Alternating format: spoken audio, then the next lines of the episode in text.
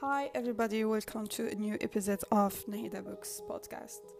Today I'm gonna share with you another book I've read and another author. So, this time we're gonna talk about the power of habit, why we do what we do, and how to change it by Charles Duhigg. So, sorry for uh, his uh, name, I don't know how to pronounce it well. Charles Duhigg is journalist who is who studied in Harvard Business School and Yale University before becoming a journalist. He is an investigative reporter for the New York Times, where he contributes to the newspaper and the magazine. He authored or contributed to Golden, Golden sorry, Opportunities in 2007, a series of articles that examined how companies are trying to take advantage of aging Americans.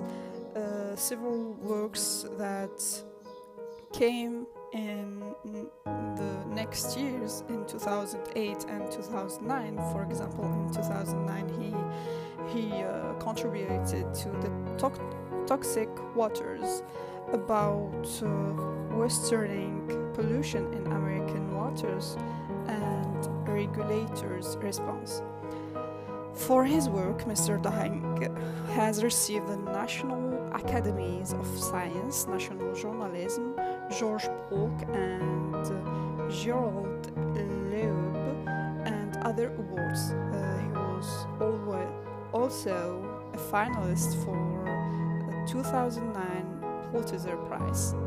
He has appeared on his uh, on This American Life, uh, The Dr. Oz Show, NPR. So, this book that we're gonna review this time is absolutely fascinating, like Weird said. Uh, so, okay, now time for the review. The power of habits, why we do what we do, and how to change it.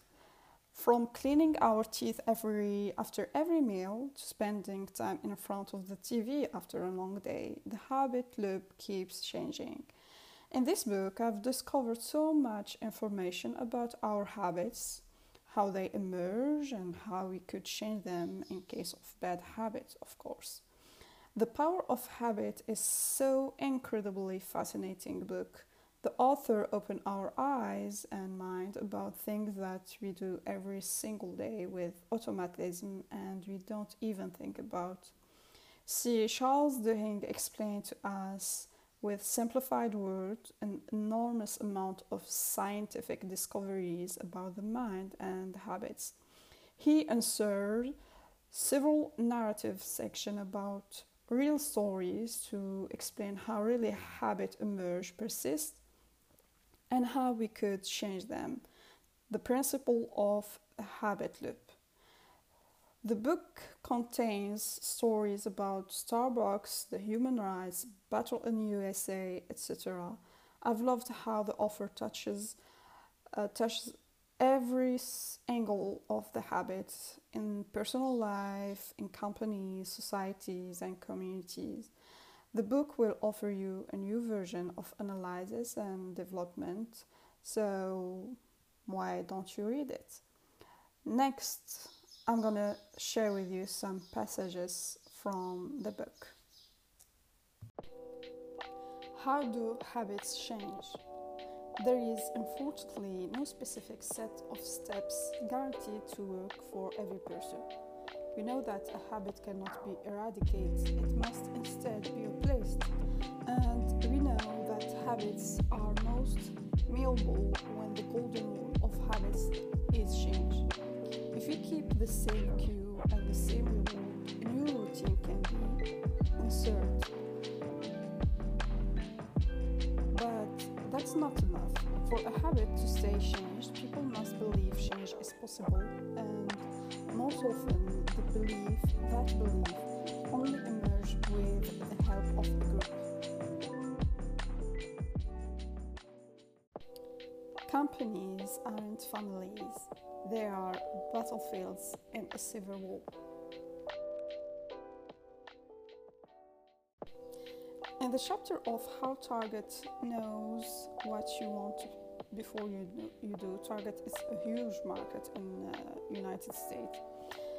Uh, when companies predict and manipulate habits, the authors say that Andrew Pole had just started working as a data expert for Target when a few colleagues from the marketing department stopped by his desk one day and asked the kind of question Pole had been born to answer.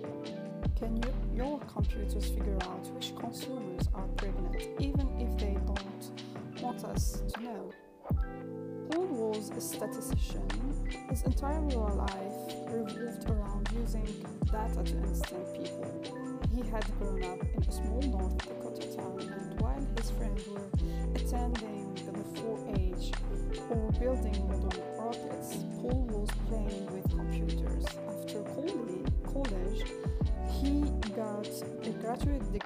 statistics and then another in economics.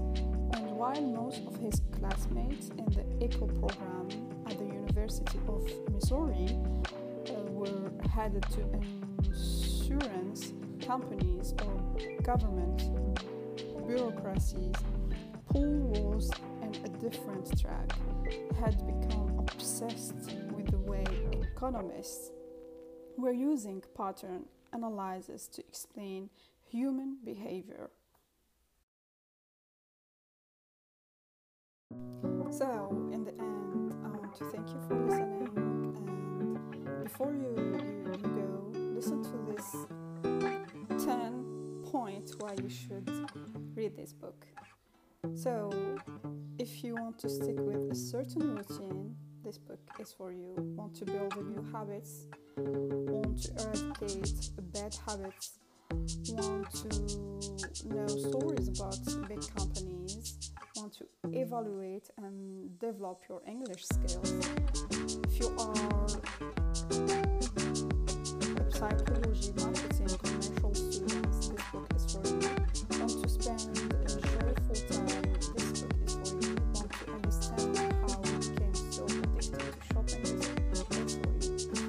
To read impressive stories about neurology, this is book. This book is for you. Want to stop being lazy and start being productive, this book is certainly for you.